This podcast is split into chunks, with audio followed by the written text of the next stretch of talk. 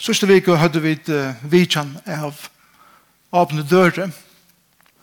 Det som jeg kunne si ved det er som, som, som jeg har sagt ved det før, det er det som jeg kaller for hjertemål, er ikke endelig taler som som et eller måten som jeg kommer til å ta seg ved det er og utjøkken det som jeg kaller for hjertemål er ikke strukturere jeg taler med mer tankar om ting som ligger mer nær som eier litja eh, samkommende nær, og som er vanlig at, at vi kan være vidt til at jeg stod opp en annan ui. Og grunnen for at åpne dører vi er her i siste vike, er tog at vi ikke at standa sammen vi teimen, og vi ikke at standa sammen vi organisasjonen som gjør et fantastisk herrens versk, at noa ut til ånder som ikkje har det så godt som vit. Og i hesen føren, de som loja og som vera rand, forfyllt og ultimativt drypen, bare tøy de har valgt at liva sitt liv for Jesus. Og Vi har brukt for at, at minna hver annan og slik ting. La meg lese en lydde bråd ur uh, enda, eller ur visjonsorangen i tjåken som sankomma. Et av punktene i okkar visjonssetning er etter.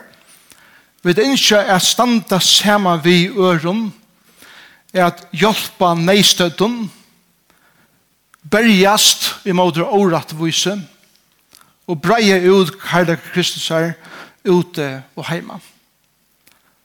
Og vi har bruk for at, at, at gjøre det. Og til tøy at jeg er så glad for at, at her var tikkun her i det. Um, Hette nægge som vi som sankumma bevust gjøre. og tid færa nå og tid færa at hjelpa neistøtten Det er alltid en parallell i middelen fatakadømme og løying. En av grunden for er at kristen løya, eller er så fatøk kring heimen, er til at de løya som meg. De vil ha rand fra et møvelion, eh, sosialen, fortjaleon og arbeidsprivilegium som annars ånder har jeg til, men som hese missa bare av tog at de er kristen. Og tog fylgjer faderkardømme veldig ofte vi lojing. Og da er det fantastisk at vi kunne fære inn vi okkara gavun, vi okkara hjärsta, og eisen tog som vi har ergång til og lota til vi ånder. Så det er fantastisk. Det har vært nekv det har vært nekv martyrer oppsøkende aldernar. Det første kristna blåvittne var Stefanus, men løying var lengt av Stefanus. Vi leser i Hebreabran kapitel 11 om hvordan profetene er og de som fylltes vi god tid i gamle testamentet var drypen og var til foregjøkken øyla løyingar. Men Stefanus var det første kristna vittne. Og maveren som gav ordrene for at han skulle være drypen var ikke navnere enn maveren som hadde Saul. Saul som settene ble Paulus. Paulus lei sjolver blåvettenstegen. Peter var eisende drypen for navn Jesus skuld. Faktisk sammen med konusynne, sier eh, tradisjonen, at han han sa at konusynne var krossfesta. Og ta ut her så var hans retur var krossfester, så sier Peter at er ikke verdt å være krossfester av samme hatt som en frelsherre vær og spurte om han kunne være krossfester opp og nyer og han døye krossfester hengande ved høtten om nyer etter så la støye Peter oppsøkende ølten er særlig ære og trie ølt var øyligere tøyninger av romerske kyrkjene og av de kristne. Paul Karp var en av dem som, som var dripen, men han er veldig en vittnesbord om jeg fylltast ved Jesu. Vi har andre som Wycliffe, og i Ungarn var det Johan Huss, som var brentur av bale for navn Jesu skuld. Tyndale, vi har Dietrich Bonhoeffer, som bare for 50 år siden, eller 50 år siden var, var dripen for navn Jesu skuld. Jim Elliot, minnes vi tar fem trobarnar som får til Ecuador. Tid som er generelt Jim minnes vi. Jeg klarer meg omgang i halda av Peter Haberg som, som les til hendelsene inn om ta i tar fem for og inn og i auka stammen der. Og jeg minnes det er så smadronk og være pura bergtidsen av hesten her at, at ta det lente flikkvaren så finko kona ikke samband vitt der atter og, og ter hendingene der, ter, ter gjørden jeg vinn med. Og hvordan hese fem som går sitt løy for Herren Jesus, hvordan det ble en flå alta i Vesterheimen. Tja mannen og kvinnen som reiser seg opp og sier, kosta hva det kosta vil, vid vil jeg eisne færre ut. Jeg forteller menneskene om Jesus Kristus, som har bruk for å høre om hans herre navn. Og akkurat døven er det eisne negv tøyning, Vi minnes kanskje søvna som hendte jo i Indien, bare for noen faun åren søgjene, hver, hver en pape og tvær siner var stångt inn i en bil, og det var sett eldre av bilen, og det brent og inne. Tro på her. Og ta i konan og døtteren som levde etter, finko hette jeg vita, Og at han har reaksjonene er sorg og sjokk og alt det, så, så var det spurt der hva hva sier jeg dit? Og der sa du at vi vil ha fire Og da var spurt der, men, men hva er det som, som gjør at det var styrken av fyrtjøve, og hva er det som gjør at det, det orsker at halde av? Da blir jeg mamman er sintjøve Og han får synge sangen Min Jesus lever Og du skal leva Og døtteren hun treiv i sannsyn og synge sammen med mamma sin Og, og det er handan sjånen for løyve og til hessen tanken om at dette er ikke et verande sted Men så langt som vi er her, så er det en vi skulle liva for det. Og til han livande opprystende Jesus. Og grunnen for at jeg lever for han her, er at han, at han er gymmer at livet, livet, at det er for. Er det ikke veldig måte å sjåne livet? Og det er veldig måte å sjåne fire kjøva. Ta vi til vi gjørst når jeg måter og i livet noen. Jeg er fremgjør at den er fjør er at jeg vera sammen vi 800 leieren fra alle verden og samleier til en, en stevne som er at um, Helping the Persecuted Church. Og det var Billy Graham organisasjonen som, som uh, organiserer det jeg minns ikke om det var jeg vet ikke om det var se mynden er Ta vi ISIS for marsjerande vi 21 mannen fram vid strandene i Libya. Og alle var skorner hals. Eller, det her myndene sjå var ikke av, men, men, vi så myndene ta vi hese her. Og det var Egypter. 20 av dem var Egypter. Fra egyptiske og koptiske kyrkene, som annars er den eldste kyrkene i verden. Og det var farne til Libya at arbeide. Den 21. personer var en han var fra Libyen. Tveir av badgjennom tja tveir min at heimann tjue som var drypner våre saman vi og kon av stevnene. Og jeg hitte der og jeg spurte der eh, hva, hva hever så ørslide av tog som hendte. Jeg har forresten lukket å fortelle deg at det er 20 egyptaner Her finner bo fra Jesus om at jeg nokta trunna av Jesus og konvertera. Og ønsken at han ville, og det var skorner hals.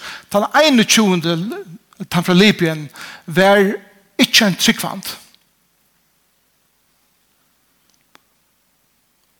Og Hesebadjane fortalte meg at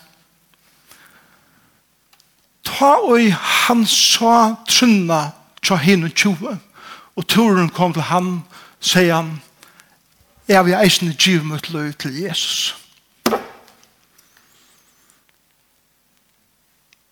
Og jeg er nøkken ikke. Og han døy. Og han sier til at familien er valgt å eisne fyrirkjøva og at være verbal om fyrirkjøvingene. Og det som det er vi gjort, gjort vi koptiske kyrkina i Egyptalandet er er, er ting som vi slett ikke kunne forstille om hvordan muslimer og andre være frelst og i håp at hele i Egyptaland. Det at prinsippet er alltid gallant. Lega mig ikke hver vidt liva, eller hver li, alt vidt liva og, i, og det heter at blå tar kristne er sa samkommende. At ta og i menneske djeva sitt liv for Jesus, så er det et eller annet vi som djever okkon dyrve. er stande opp for Jesus. Og det djever okkon perspektiv. er sånn hva det er viktig i livet. Og ta fanar alt det materielle tjaken. Og vi får egn i å fyre hva Jesus er vi gjørst. Og altså som støvnene som var ja, har de søvnene om en afghanska jente.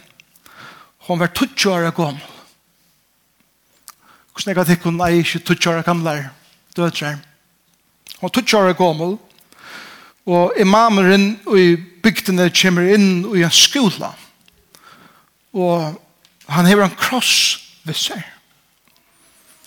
Og han gjør bøtten i skolan bo om at Han blæga krossen av veien, og de skulle, de skulle genga og trappa, trampa av sin krossen og spyta av han. Og i middelen skolabøtene var en 20 gammel kristen jenta. Og i mannen sier trampa av krossen og spyta av han. Og jentan hikker på han og sier Det er for ikke gjøre. Han beveger nøyene, og han beveger seg. Det er for ikke gjøre. Og det var fortalt om hvordan hentan jentan ble slien, atter og atter, lykka til han var fullkomlig bevissleis. Og så gjør han henne bøtten en bo om at trakka av krossen og spyta av han.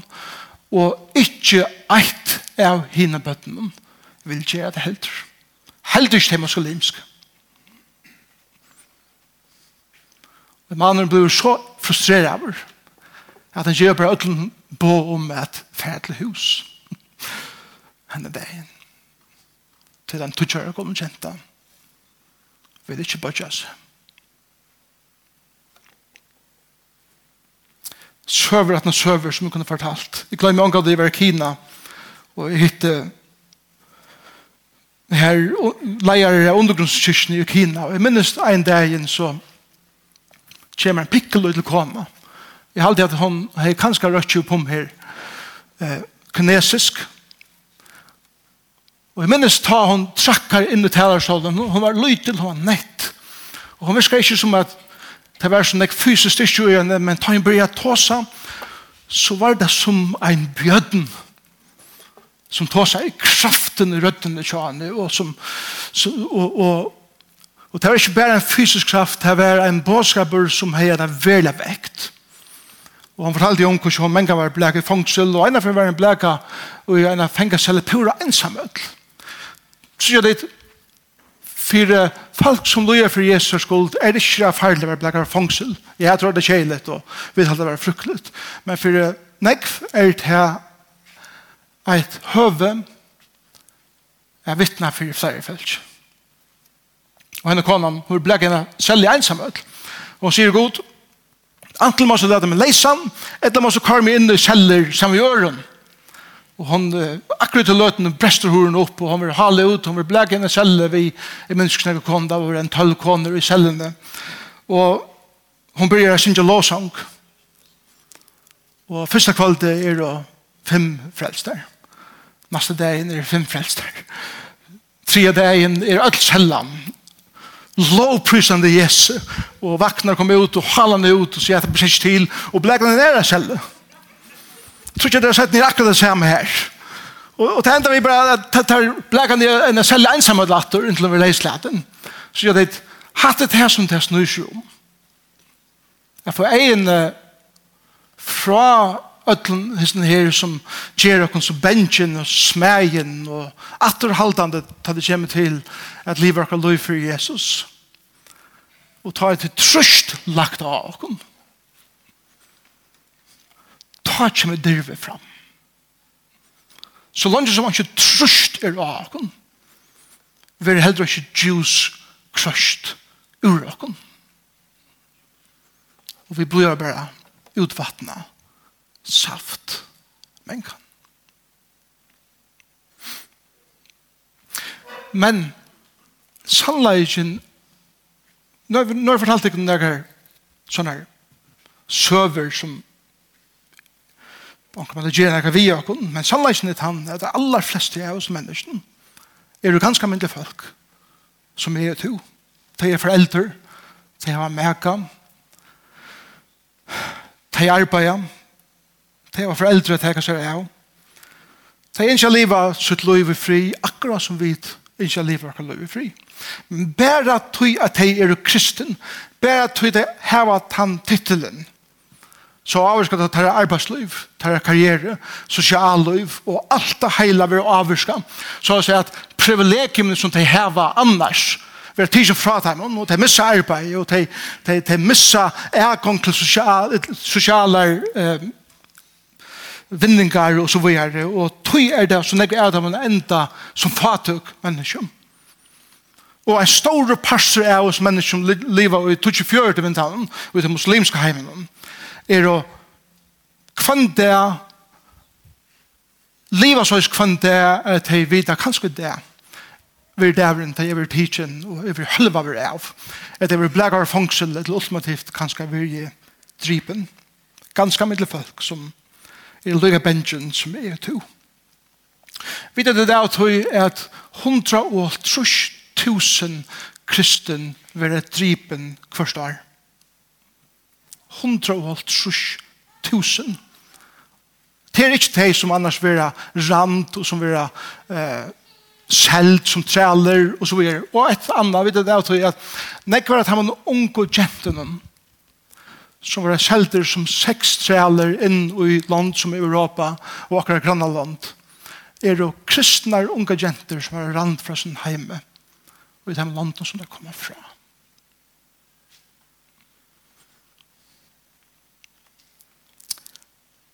Anker gjør disse utdrukningene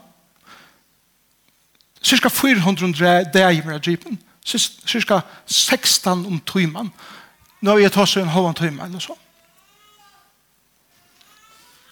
borde haft en, en, det er cirka fyra om tryman som var, som var dripen för Jesus skuld. 16 om tryman. och sier såleis at att han, han tøyningen som fyrir fram med det mera människor eller kristne var dripen och i okkar i öld en sammanlagt alla hinner öldnar framan. Vi har bruk for å få vite etter. Vi har bruk for at jeg hører det. Og tog er det vi har seg enda mannsårhensene at vi vilja standa saman vi ørene hjelpa neistøtten. Vi vilja standa saman vi ørene bergast vi må dra oratvise. Og vi vilja standa saman vi ørene breie ut karakrisser her ute.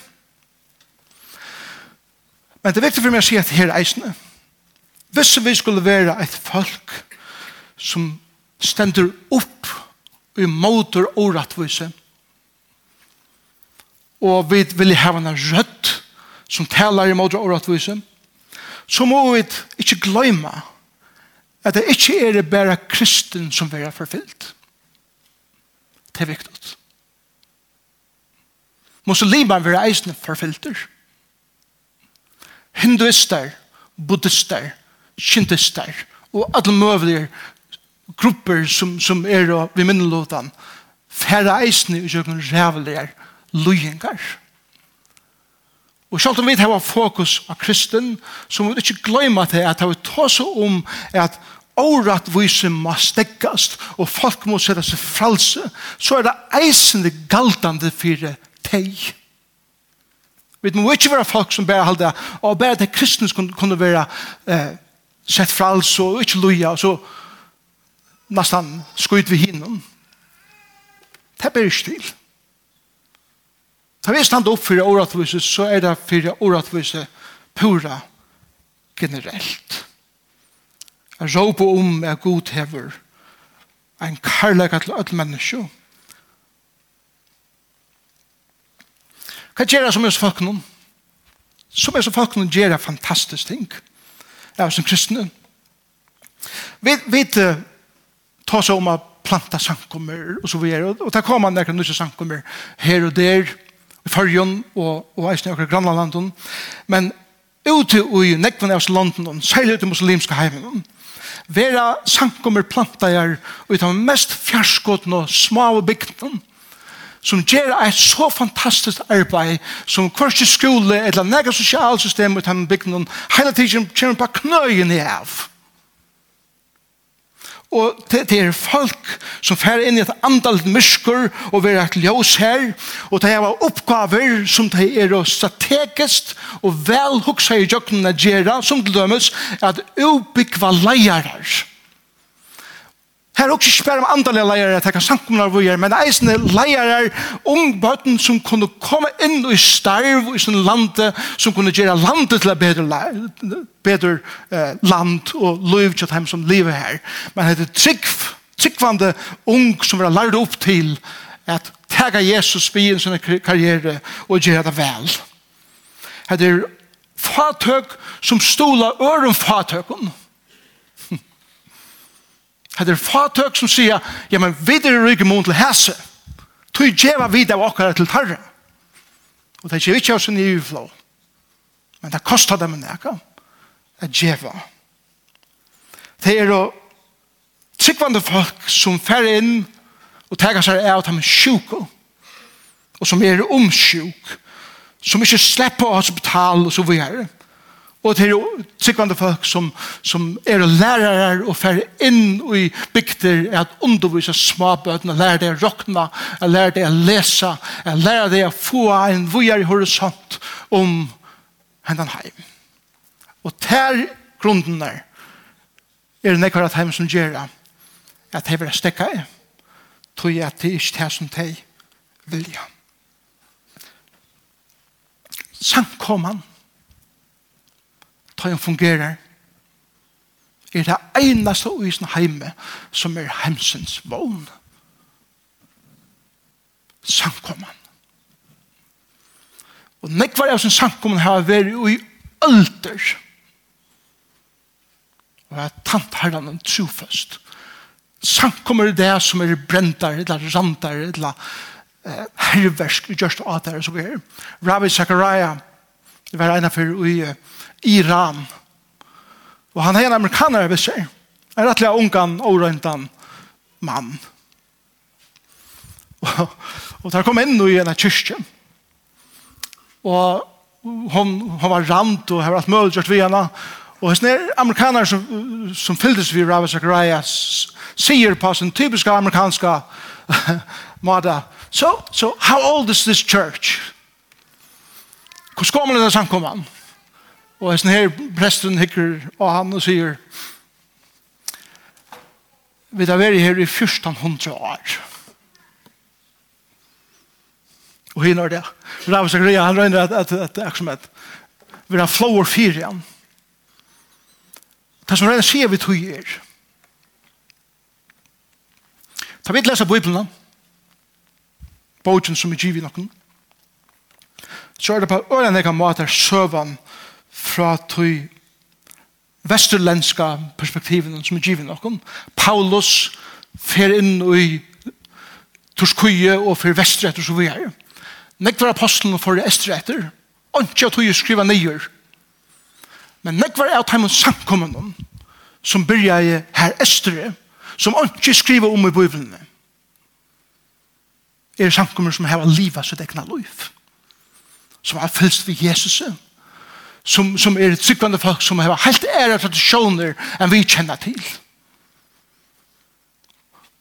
Ta vi men kan komme inn i fjær ester og, og, og skulle komme vi, vi okkar mata at, at vi okkar maten at halda kursi en sankman skal fungera som gløyma til at vi kommer inn i området hver sankman har vært i 14, 15, 1600 år.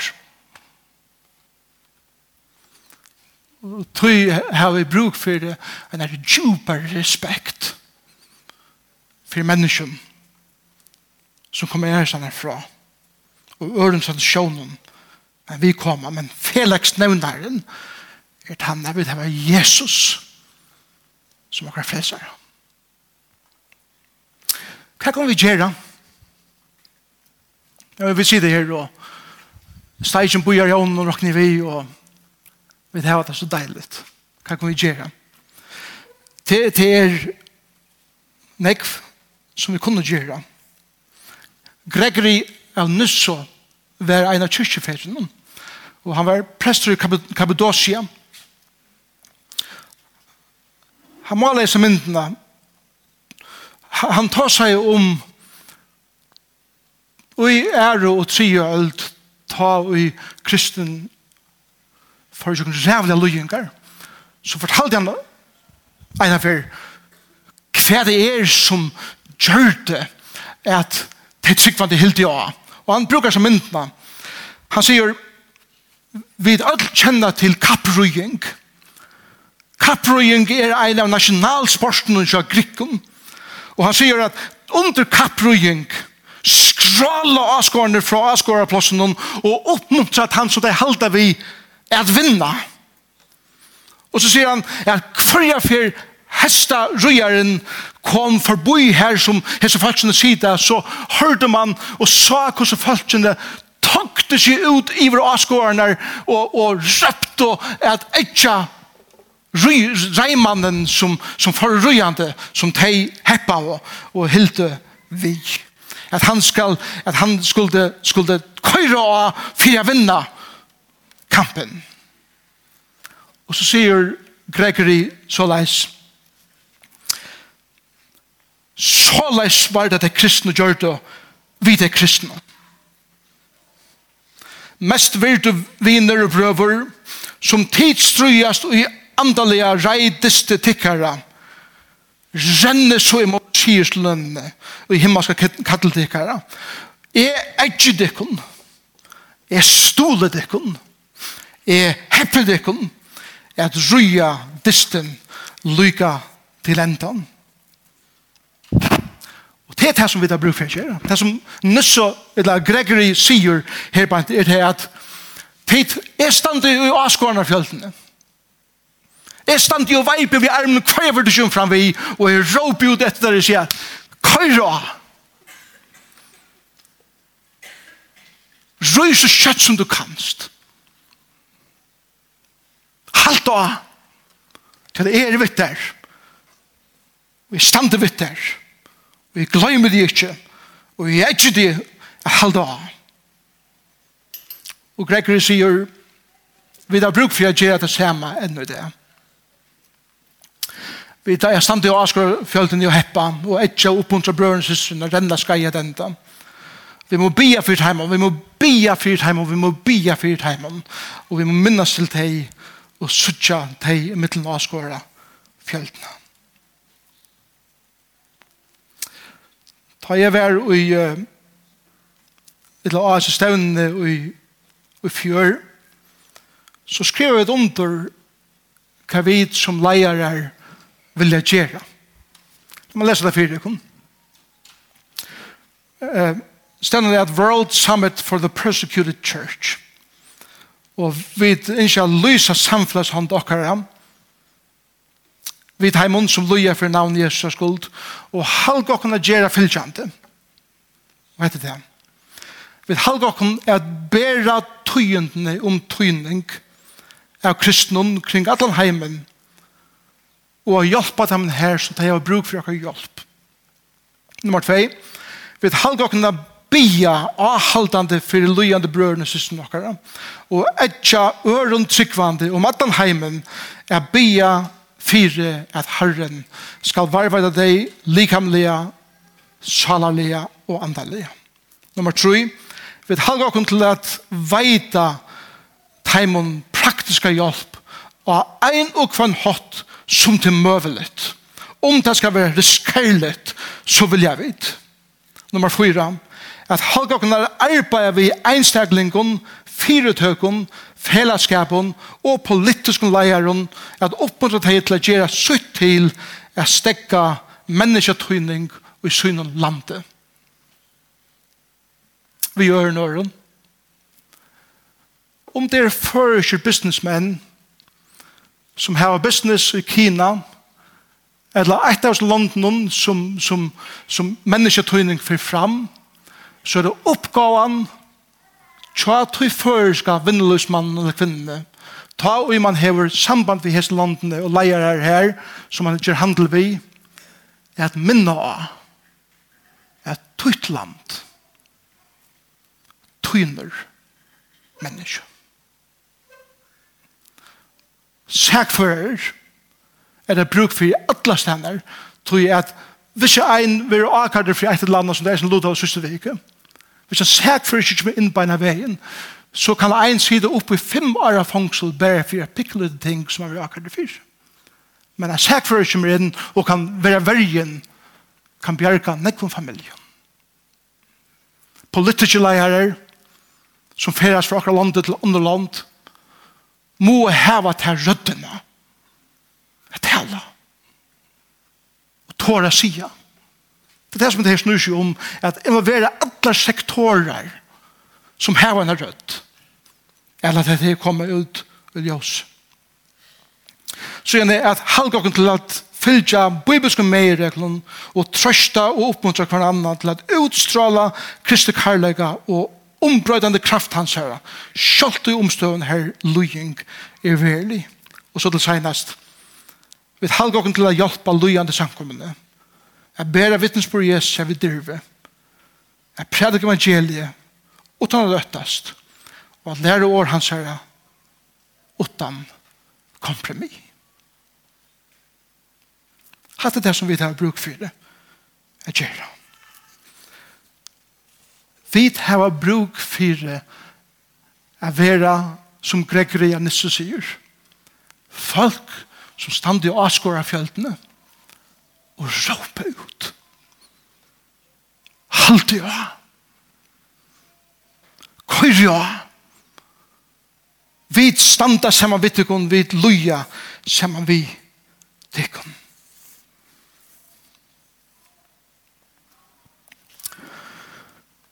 Og det som vi får opp det er det at de som vil hjelpe er som sier, jeg begynner vi ofte til så var det hei og hjelp til åkken. Er det oppvaksen, som jeg sier, jeg blir vi vi at heva framgjøratten at koma nok så nær til slik ting til at jeg er en pappa som som har hjertet for slik og neisene. vi gleder mange av det til å er nødvendig nødvendig for da jeg kom til Rumænien vi hånden. og det her var Bant åren Ceausescu døye og muren fall og så videre. Jeg har mengan hos om tanturen og hva han gjør det ved meg. Og det var her jeg tog meg den første avgjør at byrja fylgjus ved Jesus hjertet i hei slett ikke fylgjus ved Jesus i nekken nek var. Men som jeg hos hukks meir meir om hva det var og det som jeg hos oftast at det var hva det var som gjør det til at mitt hjerte ble bleit til å byrja blå blett, atter, det var fem år gammel jenta.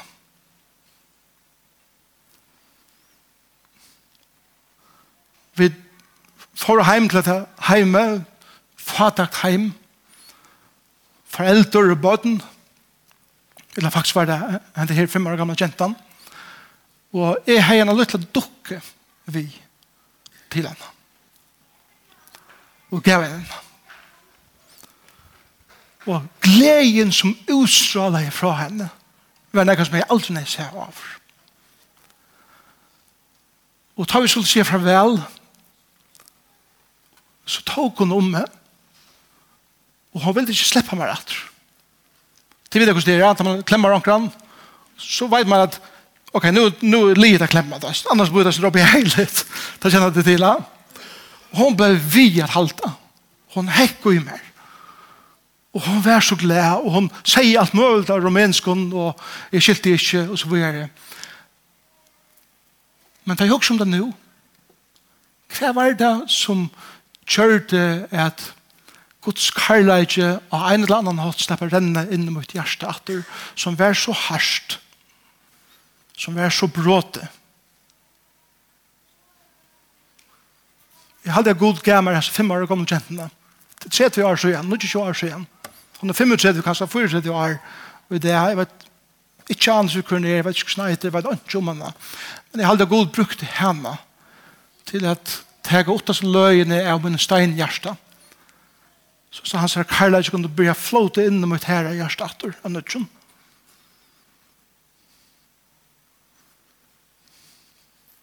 Og kanskje det beste vi kunne gjøre er vi å begynne å gjøre og bia og være vi så vel som vi kunne. Så, så vi kunne hitte omkran alene som kan nema vi okken for at okker gjørst til å kunne bli bleit. Altså et min hjertemål. Det er vi som samkommer. Være kjent for at ikke være egoistisk men at huksa om andre.